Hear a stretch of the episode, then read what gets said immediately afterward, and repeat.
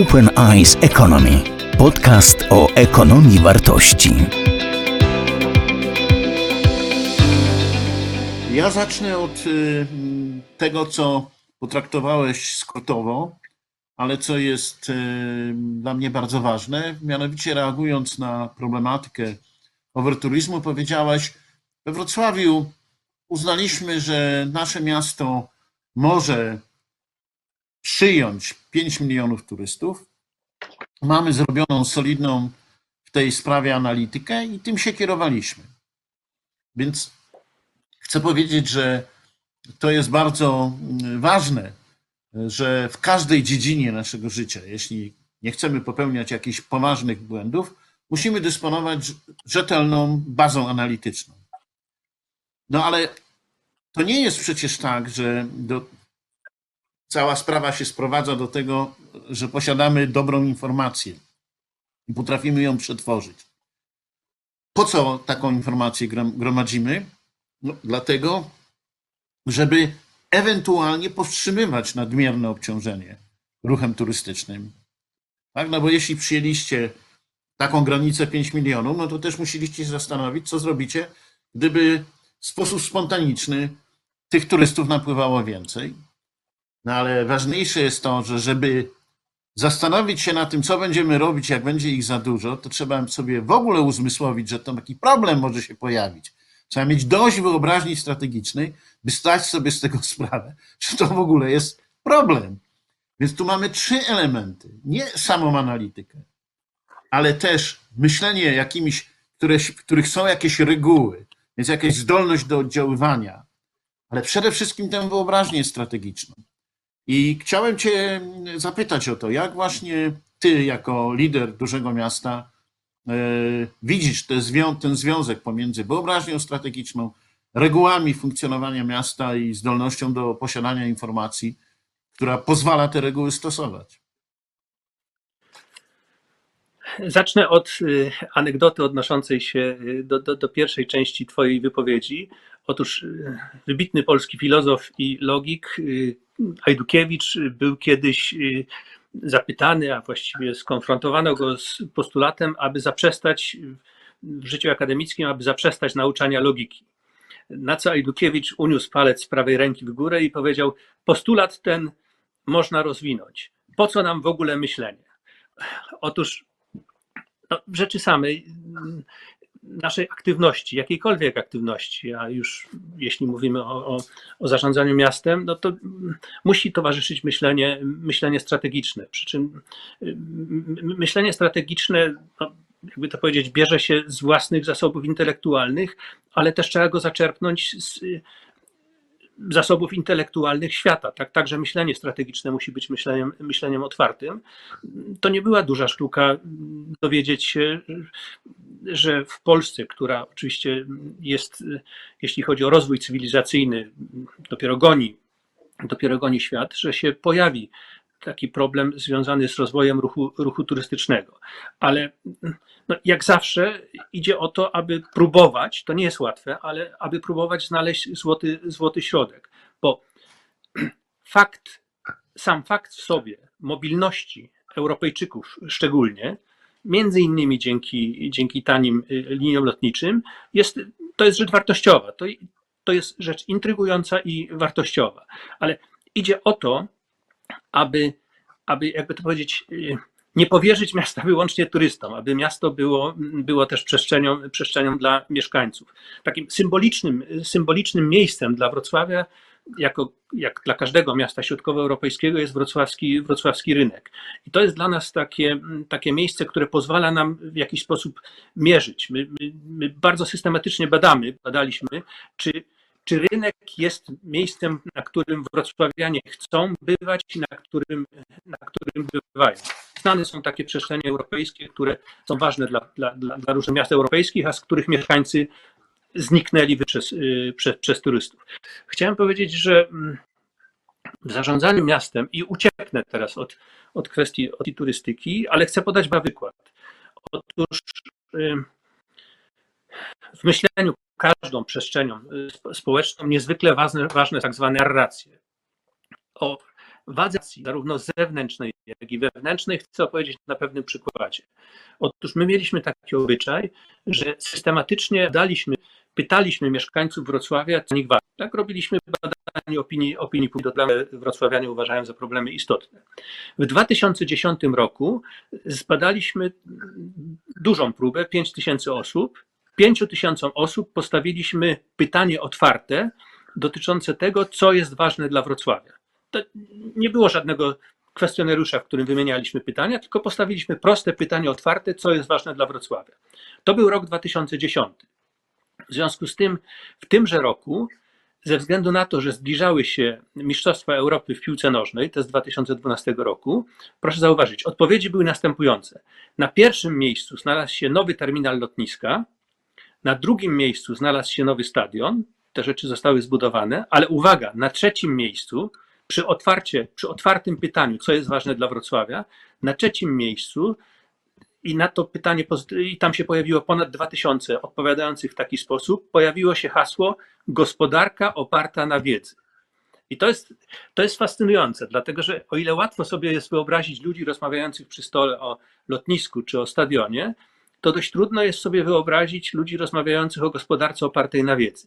Jednakowoż nasza narracja związana z kształtowaniem gospodarki opartej na wiedzy była wówczas tak intensywna, że, no, że ta narracja została przyjęta. Tak? Więc w ten sposób anegdotyczny chciałem zwrócić uwagę na pewną, na pewną jeszcze inną istotną kwestię dotyczącą zarządzania miastem. Ja zamiast narracji, które to pojęcie jest mocno nadużywane, używam słowa imaginarium miejskie, E, czyli właśnie to, co jest wspólną wyobraźnią o to, co dla miasta jest najważniejsze. Takie wspólne wyobrażenie sobie. E, Bardzo mi się spodobało to, co pokazywałeś jako slajd e, dotyczący DNA Wrocławia.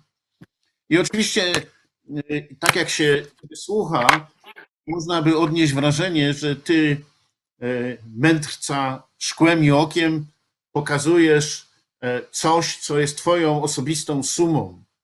Tak, ty tak ten Wrocław nam pokazałeś, ale przecież za tym, co nam pokazałeś na tym slajdzie, kryje się rzeczywisty proces społeczny. Bo to miasto musiało przejść tą drogę. To znaczy, to miasto zostało zniszczone, to miasto, to mia- w tym mieście nastąpiło 100% wymiany ludności. To, to miasto trzeba było odbudować. Ponownie stworzyć zarówno URBS, jak i Civitas tego miasta. To miasto musiało nabrać swojego wigoru, swojego życia, swojej podmiotowości, samodzielności, do czego przyczyniła się Solidarność, której częścią tego ruchu e, byłeś. Wspominam Twoje zaproszenie na rynku e, we Wrocławiu, gdzie uczestniczyliśmy w rozmowie na temat, jak to się stało, że w Polsce nastąpiła ta głęboka polityczna, ustrojowa, demokratyczna zmiana. Ale pokazujesz dalej ten proces. To nie tak, że to jest tylko Solidarność, i potem pokazujesz ten proces, który wiedzie do tego, żeby odczytać przeszłość miasta, po to, żeby ją poprowadzić w przyszłość, do Europy. Żeby to, to było to miasto, które kiedyś taką rolę odgrywało. Tak? To Norman Davis przecież przedstawił w tej książce, o której ty mówisz. Więc to nie jest tylko slajd. I to nie jest tylko historia. To jest ujęcie tego, jak społeczna czasoprzestrzeń tego miasta była formowana. Ona była rzeczywiście formowana przez różnych ludzi w różnym okresie i chodzi o to, żeby to się złożyło nie tylko na opowieść o przeszłości, ale także było odkrywaniem drogi do przyszłości, do odpowiedzi na pytanie, a co dzisiaj dla Wrocławia jest najważniejsze. Więc pytam Ciebie, już nie jesteś prezydentem Wrocławia, gdybyś dzisiaj zapytał Wrocławian o to, co dzisiaj dla Wrocławia jest najważniejsze, co miałoby być następnym krokiem milowym, następnym elementem tego procesu rozwojowego. Jak sądzisz? Spodziewałem się tego pytania, w związku z tym nie potrafię na nie odpowiedzieć, ale postaram się zarysować pewne, pewne, pewne elementy odpowiedzi. Po pierwsze, ja przeżywałem jako zarządzający Wrocławiem kryzys z roku 2008. To był innego rodzaju y, kryzys finansowy, prawda? To był innego rodzaju kryzys niż ten, którym, którym trzeba będzie zarządzać, zarządzać w tej ale decyzja, którą wówczas podjąłem, była związana ze zwiększeniem wydatków miejskich, zwięks- zwiększeniem nakładów finansowych na dwa obszary: edukację oraz na inwestycje. Tak? To myśmy musieli zaoszczędzić, czyli budżet miejski nam się skurczył, ale zwiększyliśmy nakłady na edukację i zwiększyliśmy wydatki na inwestycje. To jest pierwsza moja uwaga. Podkreślam, podkreślam słowo, y, słowo mm, edukacja. Druga moja uwaga dotyczy tego, y, tego o, czym, ym, o czym przed chwilą rozmawialiśmy. Ten imperatyw będzie trochę zakłócony bieżącym, bieżącym kryzysem, ale bez wątpienia najsilniejszy imperatyw współczesności i przyszłości jest związany z mitygacją zmian klimatycznych i z tym snem dotyczącym łączenia kultury z naturą. Jak sądzę, gdyby wrocławian zapytać dzisiaj o to, co jest najważniejsze, może wczoraj, gdyby ich zapytać, bo dziś, dzisiaj wszyscy są przejęci, przejęci koronawirusem, ale gdyby wczoraj zapytać o to, co jest najważniejsze, to powiedzieliby, że chcą, aby Wrocław, który jest zielonym miastem, był jeszcze bardziej zielony i jeszcze bardziej, jeszcze bardziej nie, nie, niebieski. I teraz trzecia rzecz, której, której, której, której dotknę. Ot- Otóż edukacja jest domeną samorządu, akademia nie jest domeną samorządu, ale akademia jako taka to była, to była kwestia, czy to była przestrzeń, która mnie niezwykle, niezwykle frapowała. My byliśmy i chyba jesteśmy do tej pory jedynym miastem w Polsce, które powołało specjalny departament zajmujący się współpracą miasta z uczelniami wrocławskimi. Z kilku powodów. Je, jeśli można, to, to, to, to powiem o powodach oraz o faktach. Te powody, są, te powody są dwa. Mianowicie, po pierwsze, w mieście uniwersyteckim, w miastach uniwersyteckich, takich jak Warszawa, Kraków, Wrocław, Poznań, akademia jest częścią, częścią gospodarki danego miasta i to całkiem, całkiem pokaźną. Jeśli Kraków i Wrocław 100 tysięcznikami, czyli jeśli mają ponad 100 tysięcy studentów, jeśli mają kilkadziesiąt tysięcy osób pracujących na poszczególnych uczelniach, to to jest ważne samo w sobie. Ale akademia jest po drugie i przede wszystkim właśnie najlepszym akceleratorem wymiany, wymiany myśli, a jest też najlepszym sposobem, jak to powiedzieć, na mm, budowanie, budowanie mostów ku y, przedsiębiorczości. I teraz bardzo krótko. Mm, Myśmy utworzywszy ten departament, rozwijaliśmy różnego rodzaju pomysły, zarówno powiedziałbym edukacyjne i związane z mm, postrzeganiem mm, kwestii akademickich, y, jak na przykład każdego roku 1 października, czyli wtedy się zaczyna rok akademicki, gromadzimy się nie, na wrocławskim rynku i śpiewamy wspólnie Gaudeamus Igitur, żeby pokazać, że zaczyna się rok akademicki, a śpiewamy dlatego, że uważamy, że jesteśmy właścicielami tej średniowiecznej pieśni, z zabawnego powodu, mianowicie niejaki Johannes Brahms, jak został doktorem honorowym Uniwersytetu Wrocławskiego, to sprezentował Uniwersytetowi uwerturę akademicką, której częścią uczynił właśnie słynną średniowieczną pieśń Gaudeamus Igitur. Na marginesie partytura tej uwertury akademickiej już pół roku później zaginęła z Biblioteki Uniwersytetu Wrocławskiego. Robiliśmy inne rzeczy. Uruchomiliśmy fundusz, żeby wrocławskie uczelnie mogły zapraszać visiting professors z renomowanych uczelni świata. Uruchomiliśmy Akademię Młodych Uczonych i Artystów. W czasach, kiedy jeszcze nie było obowiązkowej matematyki na maturze, chcąc utrzymać odpowiedni procent studentów studiujących przedmioty ścisłe, informatykę albo przedmioty techniczne, dawaliśmy stypendium, stypendia tym uczniom, którzy wybierali matematykę jako przedmiot dowolny i następnie kontynuowaliśmy przydzielanie tego stypendium na pierwszym, na pierwszym roku studiów. To myślenie o akademii jako ważnej części Wrocławia w moim przekonaniu spowodowało, że zadziałała współpraca z, pomiędzy biznesem i uczelniami wyższymi. My jesteśmy w tej chwili miastem, które ma najwięcej działów RD w przedsiębiorstwach zlokalizowanych we Wrocławiu, a w ostatnim raporcie dotyczącym funkcjonowania startupów w Polsce powiedziano, że jeśli gdzieś jest, jeśli gdzieś jest Dolina Krzemowa, pewnie z przesadą powiedziano, ale jeśli gdzieś jest Dolina, Dolina Krzemowa w Polsce, to na pewno jest ona we Wrocławiu, ponieważ największe zagęszczenie startupów to właśnie Dolny Śląsk i stolica Dolnego Śląska, czyli, czyli, czyli, czyli Wrocław. Tak od edukacji przez kulturę łączącą się z naturą, dochodzę do, do akademii. Je, je, jeśli można, to, to potem chciałbym jeszcze trochę o, o przestrzeni publicznej porozmawiać. Dobrze. To, żeby Ci ułatwić e, też opowiedzenie czegoś o przestrzeni publicznej, to nawiążę do tego, co bardzo mocno brzmi w, w Twoim głosie dzisiejszym, a mianowicie to, że musimy inaczej spojrzeć na odniesienie kultury i natury. Zamiast to przeciwstawiać, umieć to połączyć, to mi się wydaje bardzo ważne. E, A z drugiej strony nawiązujesz do tego, że trwa e, e, no, walka z epidemią i wszystkie miasta stają wobec ogromnych problemów finansowych i ogromnych wyzwań logistycznych. Po prostu ilość problemów, które się w tej chwili kumuluje w miastach, jest ogromna. Zresztą śledzimy to razem, bo przygotowujemy alerty samorządowe, więc y, ma- ma- mamy ogląd tej całej sprawy. I teraz ja się zastanawiam, wszyscy się jakoś do tego stopnia zastanawiamy, czy to, co w tej chwili przeżywamy, czy to, z czym musimy sobie radzić, bo musimy sobie z tym radzić, no nie możemy odpuścić, tak? Mówię o władzach miejskich, ale i też o, o mieszkańcach miast.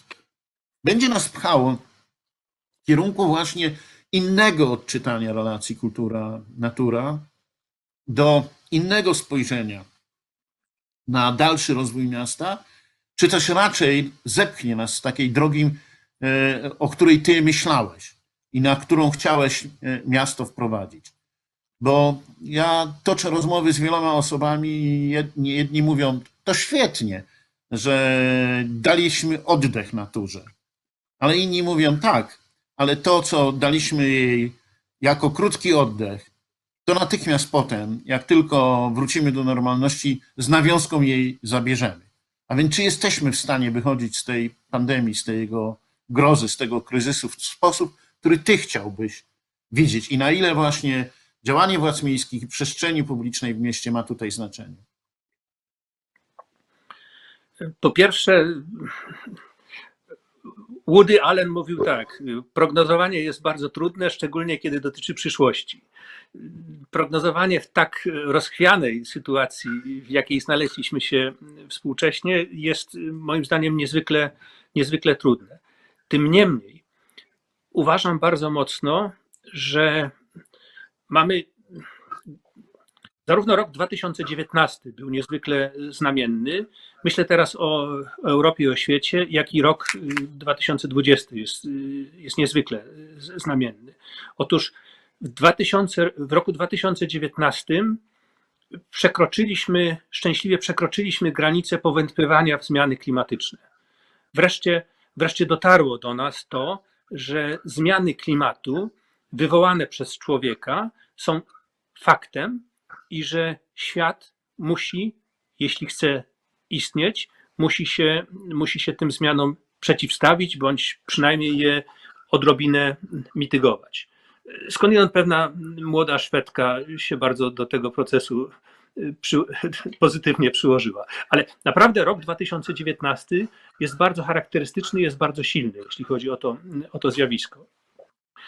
Równocześnie jeszcze w roku 2016-2017 to, to, o czym rozmawialiśmy w Polsce, dotyczyło bardziej problemów natury ekologicznej, na przykład czystości powietrza. Tak, to jest słynna, to jest wielka fala dyskusji na temat tego, jak wielki jest smog w miastach, w miastach polskich. Słuszna skądinąd y, dyskusja i słuszne apele, że z tym problemem trzeba, trzeba, trzeba coś uczynić wówczas w roku 2006 i 2017 kwestia zmian klimatycznych nie była tak silnie postrzegana. Uważam, że w roku 2019 rzecz jakby dokonała się w naszych, w naszych umysłach i w naszej, i w naszej wyobraźni. I teraz jakiego rodzaju korektę wprowadza w to wszystko koronawirus, tego, tego, tego, tego, tego ja nie wiem, ale sądzę, ale sądzę, że, że, że, że, że tego prądu i ciśnienia społecznego związanego z kwestiami ekologicznymi i kwestiami klimatycznymi, że tego już się nie da oraz oczywiście nie należy tego, nie należy tych kwestii y, powstrzymywać. W dalszym ciągu w miastach, szczególnie w polskich miastach, jest bardzo silne lobby, lobby samochodowe, ale mm, zauważmy proszę, Ja od dawna postuluję pewną drobną kwestię, która w części, ale znaczącej udała się, udała się zrealizować. Otóż oprócz eliminowania samochodów z coraz szerszej przestrzeni, trzeba też wprowadzić nakaz nieprzekraczania prędkości 30 km, km na godzinę. Nam się to udało zrobić we Wrocławiu na wszystkich osiedlach mieszkaniowych. Na wszystkich osiedlach mieszkaniowych zredukowaliśmy prędkość samochodów tam przejeżdżających do maksymalnie 30 km na godzinę. Co więcej, na tych osiedlach poruszający się tam przyjęli ten postulat i uwaga, wypadkowość na tychże osiedlach no, zmalała nam natychmiast, y, natychmiast do zera. To nie idzie tylko i wyłącznie o wypadkowość, choć rzecz jest bardzo, y, choć rzecz, rzecz jest także bardzo, bardzo istotna.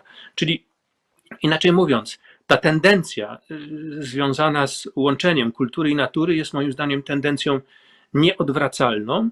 Reset związany z koronawirusem powinien być przez zarządzających miastami wykorzystany, aby tę tendencję jeszcze, jeszcze, bardziej, jeszcze bardziej wzmocnić. Tak ja, tak ja rzecz rozumiem i postrzegam. Bardzo dziękuję, Rafał, za tę część wykładu. Oczywiście jeszcze wrócę do Ciebie, a teraz przejdę do drugiej części mojej prezentacji. I ta e, druga część, proszę o włączenie prezentacji. E, ta druga część dotyczy problematyki prawa do miasta. Wokół tego zagadnienia chciałbym teraz skupić e, naszą wspólną uwagę. Otóż, jak należy rozumieć prawo do miasta? Punktem wyjścia jest to rozróżnienie, które dokonałem na początku wykładu pomiędzy miastem murami, urbs i miastem wspólnotą, społecznością, civitas. I respektowanie prawa do miasta jest wyrazem uznania, że miasto musi być wspólnotą mieszkańców. Natomiast to, co jest świadectwem respektowania tego prawa do miasta, jest to, że miasto rozwija się przede wszystkim na podstawie, w oparciu, przy zmobilizowaniu potencjału twórczego jego mieszkańców.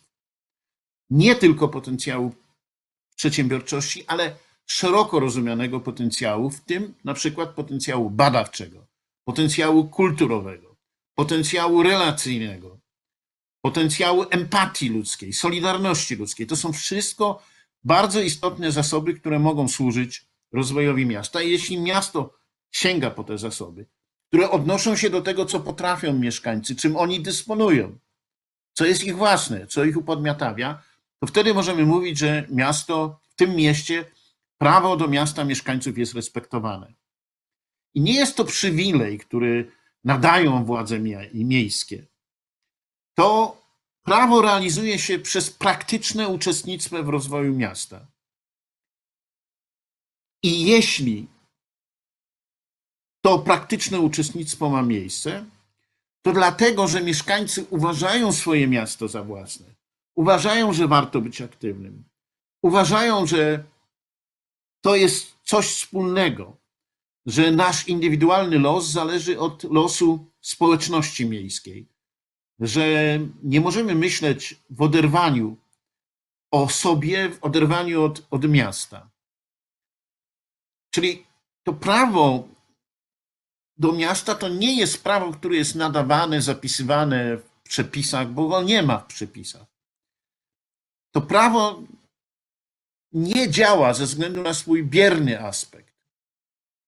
Ono wówczas staje się czymś faktycznym, gdy ludzie poczuwają się do tego, że oni są ważni, że ich głos się liczy, że ich aktywność się liczy. Że to nie może być tak, że oni są wypierani z centrum miasta, bo najważniejsi są deweloperzy lub turyści.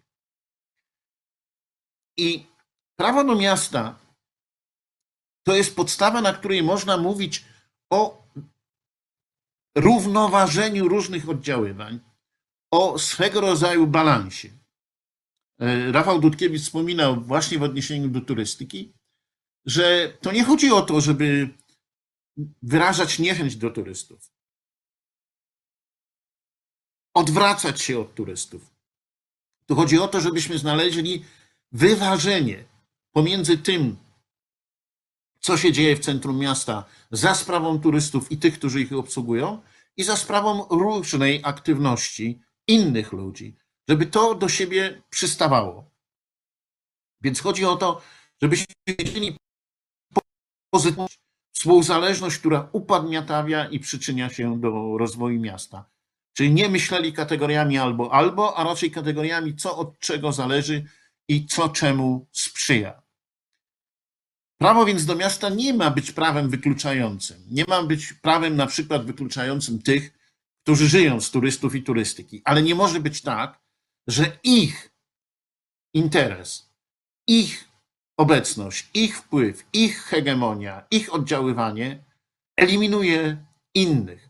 Ja często to podkreślam, że w przestrzeni centrum Krakowa kiedyś mieszkało 20 tysięcy rezydentów, a dzisiaj to jest 400 osób, które są stałymi mieszkańcami miasta. W ich miejsce przyszli ludzie, którzy są nomadami, których niewiele łączy z miastem, którzy przyjeżdżają tutaj dla używania tego miasta, tak jak to na przykładzie Amsterdamu zostało pokazane. I trzeba znaleźć to wyważenie. Za mało jest tych rezydentów, żebyśmy to wyważenie znaleźli w Krakowie, więc trzeba przywrócić centrum miasta jego stałym mieszkańcom. Wtedy będziemy mogli mówić o właśnie wyważeniu, o znalezieniu jakiegoś punktu, który będzie punktem balansu. Nie jest więc to prawo przeciw, ale to jest prawo za. Prawo, które, którego ta strona aktywna, strona za, wiąże się z kreatywną działalnością, wykorzystaniem potencjału twórczego jednostek i grup społecznych, no między innymi właśnie z wykorzystywaniem akademii. Więc prawo do miasta zawiera z jednej strony określone roszczenie mieszkańców miasta. Tak, chcemy mieć wpływ na swoje miasto i nie załatwi tego budżet oby- obywatelski. Nie załatwi tego to marginalne rozwiązanie, które dopuszczamy. Tutaj nie załatwią tego jakieś formy konsultacji, co nie znaczy, że budżet obywatelski nie jest potrzebny i konsultacje nie są potrzebne. Ale to prawo do miasta ukonstytuowane jest jako roszczenie mieszkańców do tego, żeby to oni mieli wpływ i żeby ich potencjał był wykorzystywany w rozwoju miasta, a nie tylko środki napływające z zewnątrz. Ono jest ukonstytuowane na aktywności mieszkańców, na przyjmowanie na, przez siebie współodpowiedzialności, na bycie aktywnym, a przede wszystkim na wspólnym kształtowaniu tego imaginarium miejskiego, tego poczucia, to jest nasze miasto i my dzisiaj na przykład stawiamy sprawę tak, chcemy takiego rozwoju miasta, które pogodzi naturę i kulturę. I teraz kwestia, jak ma funkcjonować Rada Miasta, prezydent miasta, jak mają funkcjonować, jak ma funkcjonować Urząd Miasta, jego różne agendy w relacji do różnych grup mieszkańców, usytuowanych terytorialnie, usytuowanych zawodowo. To jest oczywiście bardzo trudne, ale właśnie jeśli nie ugruntujemy tego wszystkiego, co robimy, na czymś innym niż właśnie to zrozumienie prawa do miasta, to moim zdaniem to uwspólnienie, o którym wspominał Rafał Dudkiewicz, że najważniejsze dla rozwoju miasta jest uwspólnienie tej przestrzeni i uwspólnienie czasu przestrzeni, więc także tej perspektywy dłuższej, to oczywiście to się nie stanie. Teraz jak można to robić? No, wtedy, kiedy dyskutujemy nie tylko o tym, co dzisiaj, ale dyskutujemy również o przyszłości, o wyzwaniach, które e, e, do miasta e, przychodzą, nadchodzą, z którymi trzeba, trzeba sprostać. Kiedy rozmawiamy z ludźmi i to różnymi grupami, i z tymi najmłodszymi, i tego najstar- najstarszymi, jakie są ich potrzeby, w jaki sposób można by je rozwiązywać tak, żeby godzić różne e, racje. Bo jeśli tego nie robimy, to miasto może się zmieniać, ale na zasadzie rozrostu, a nie na zasadzie rozwoju. A jeśli się tylko rozrasta, a nie rozwija, to prędzej czy później dojdzie do gwałtownego zachwiania równowagi i zapaści. Ja wszystkim mówię, to, że dopuściliśmy do takiego rozwoju krótkoterminowych pobytów w Krakowie, w centrum miasta, gdzie większość kamienic wewnątrz plant i w pobliżu to są albo hotele, albo hostele. jeśli do tego doprowadziliśmy, to teraz obserwujemy konsekwencje w postaci zapaści. I to jest zapaść, która nie tylko dotyczy tych, którzy byli właścicielami tych kamienic, nie tylko dotyczy restauratorów, nie tylko dotyczy hotelarzy i wszystkich, którzy ich obsługiwali w ten czy inny. To także dotyczy wielu instytucji kultury, bo turystów nie ma, no to nie ma oczywiście środków. To także dotyczy i budżetu miasta. I do takiej zapaści, do takiej monokultury turystycznej w samym Krakowie i w centrum miasta nie należało dopuścić. Mam nadzieję, że będziemy na tyle roztropni, by znaleźć nowe otwarcie, reset, jak powiedział Rafał Dudkiewicz, by sobie z tym problemem poradzić. Że nie popełnimy tego samego błędu ponownie. I żeby tego błędu nie popełnić, teraz trzeba zacząć rozmawiać o tym problemie. Teraz, zanim wrócimy do realu, bo na razie jesteśmy w wirtualu, to w tym wirtualu trzeba teraz spokojnie się zastanowić, kiedy popełniliśmy błąd, dlaczego nie zdobyliśmy się na pomiar różnych rzeczy, dlaczego nie przyjęliśmy, że istnieją pewne granice, po których przekroczenie zaczyna rodzić więcej problemów niż korzyści. Dlaczego nie potrafiliśmy ustanowić określonych reguł? Jak teraz o tym pomyśleć i jak to zrobić? I jeszcze raz, w tej rozmowie nie może zabraknąć różnych grup mieszkańców. I to ich twórczy wysiłek, ich wyobraźnia jest tutaj potrzebna, żeby inaczej postawić problem. Zanim przejdę do zamykania wykładu, poprosiłbym Rafała na o końcowy komentarz e, w stosunku do tego, co zostało wspólnie przez nas powiedziane. Rafał? Bardzo dziękuję. I Kilka uwag.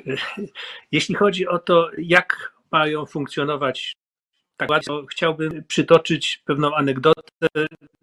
W dawnych czasach ja miałem taki obyczaj, że chadzałem na jeden dzień wrocławskiej pielgrzymki do Częstochowy. Ja jestem osobą wierzącą, ale chodziłem głównie po to, żeby, żeby uczestniczyć w tej pielgrzymce z wrocławianami. Któregoś dnia, był to czwartek, wieczorem, kiedy dotarliśmy na, na, na, na metę etapu, ksiądz, z którym się przyjaźniłem, prowadzący ten pielgrzym, powiedział, o dzisiaj jest czwartek. Wprawdzie nie wielki czwartek, zatem pan prezydent umyje nogi wrocławianom. I muszę powiedzieć, że ta uwaga dotycząca tego, że, że mam umyć nogi wrocławianom, bardzo mocno towarzyszyła wielu, wielu latom mojej pracy w wrocławskim ratuszu. Chcę jednak powiedzieć, że to jest tak, że są związane te prawa związane z uczestnictwem, ale jest działalność związana z uczestnictwem. I to jest rzecz, która w zarządzaniu przestrzenią miejską powinna być bardzo wyważana. Prawa mieszkańców, też otalność mieszkańców. Jednym z moich marzeń, które nie do końca zrealizowałem, było marzenie pewnego szersze, silniejszego poziomu zdecentralizowania zarządzania Wrocławiem, tak aby silniejsze władztwo nad przestrzenią, nad przestrzenią oddać mieszkańcom, organizują się w ramach tej przestrzeni, ale zawsze bardzo podkreślałem, że planując tego rodzaju bardziej zdecentralizowany y, ustrój Wrocławia, powinniśmy pamiętać, że prerogatywy tych, którzy mają zarządzać społecznie pewną wydzieloną przestrzenią, muszą być powiązane z poziomem uczestnictwa, z zaangażowaniem. zaangażowaniem.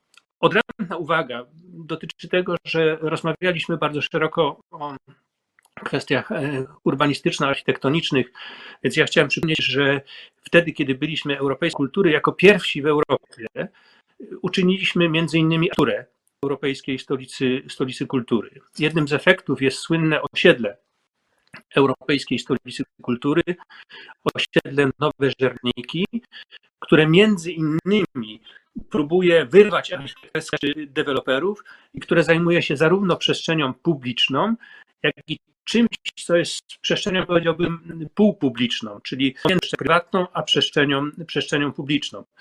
My już potrafimy dobrze projektować mieszkania, które są przestrzenią prywatną, rozumiemy, jak się zajmować publiczną agorą, ale są przecież przestrzenie, które są przestrzeniami między, czy są przestrzenie związane z klatkami schodowymi, czy są wspólne, wspólne tarasy. Jest przestrzeń, która jest przestrzenią, powiedziałbym, półpubliczną i osiedle Europejskiej Stolicy Kultury, osiedle Nowe Żerniki eksploruje te właśnie przestrzenie. To jest, y, to jest przeze mnie dzieło współpracujących, i to bardzo pięknie współpracujących, 40 pracowni architektonicznych. To jest skądinąd przykład na to, jak robić, kiedy potrafi się współpracować. I teraz zupełnie oderwany przykład, ale moim zdaniem bardzo istotny, pokazujący siłę, co czasem można uczynić razem.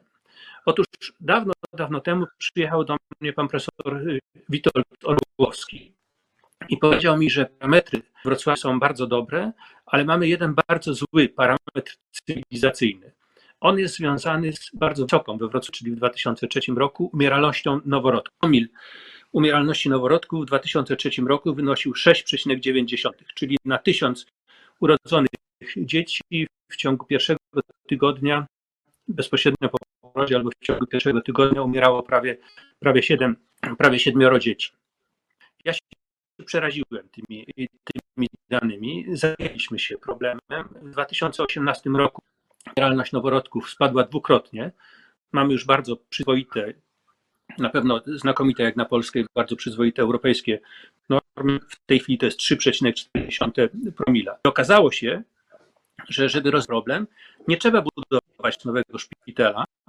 Wystarczy zebrać tych wszystkich, którzy się zajmują kwestiami związanymi z narodzinami dzieci i z pierwszym tygodniem życia, pozwolić im wspólnie pomyśleć na ten temat i tylko nieznacznie ich wesprzeć. Mnie się wydawało, że ten projekt będzie dziesiątki milionów złotych. Wydaliśmy na to pewnie kilka milionów złotych, no ale w skali miasta przez wiele lat to nie są bardzo wielkie pieniądze. Ostatnia rzecz, która. Bo mówiliśmy o turystyce, a ja chciałem dotknąć innego, innego aspektu. Mianowicie kształtowanie przestrzeni otwartej, silnie rozmawiali, jest też związane z umiędzynarodowianiem naszych, naszych miast.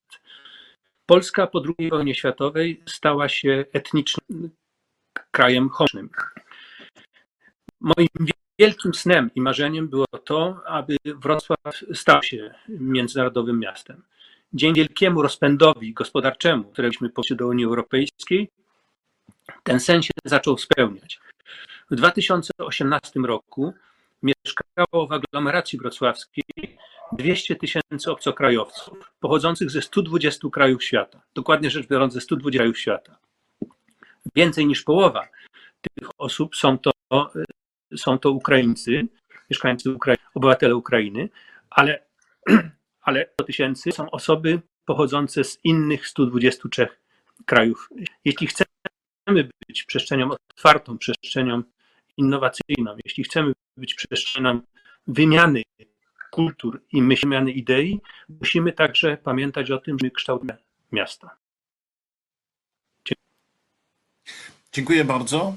Przejdziemy do zakończenia wykładu.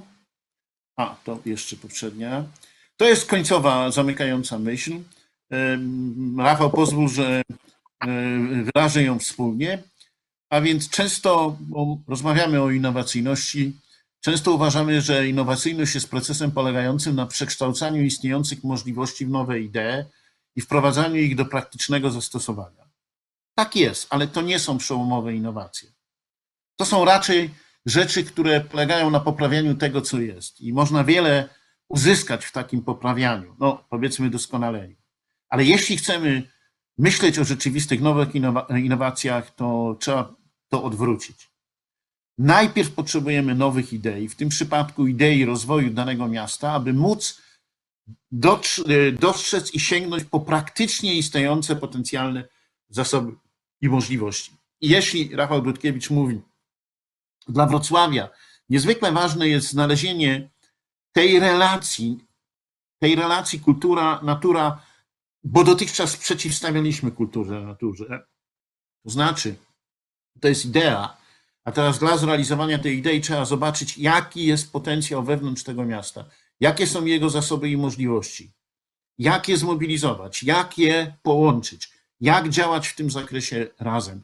Czyli potrzebujemy nowej idei, nowego imaginarium, a to będzie prowadziło do tego, żeby wykorzystać to, czym dysponujemy. To oznacza, że w istocie rzeczy stale otwieramy społeczną czasoprzestrzeń miasta stale jest ona żywym organizmem, nie staje się e, właśnie tym miastem renesansowym, miastem pozornie idealnym, ale miastem bez życia.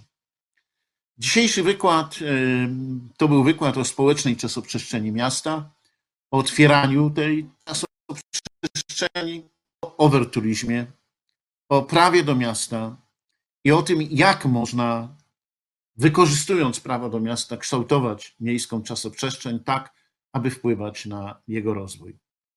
Gościem tego wykładu był Rafał Dudkiewicz, prezydent, były prezydent Wrocławia, mój serdeczny kolega. E, Dziękuję Wam za uwagę. Zapraszam na następny wykład, e, którego gościem będzie profesor Juliusz Gardawski ze Szkoły Głównej Handlowej. I tradycyjnie zapraszam na Open Eyes Economy Summit, na jego piątą edycję, planowaną na 17-18 listopada bieżącego roku. Do widzenia. Dziękuję bardzo.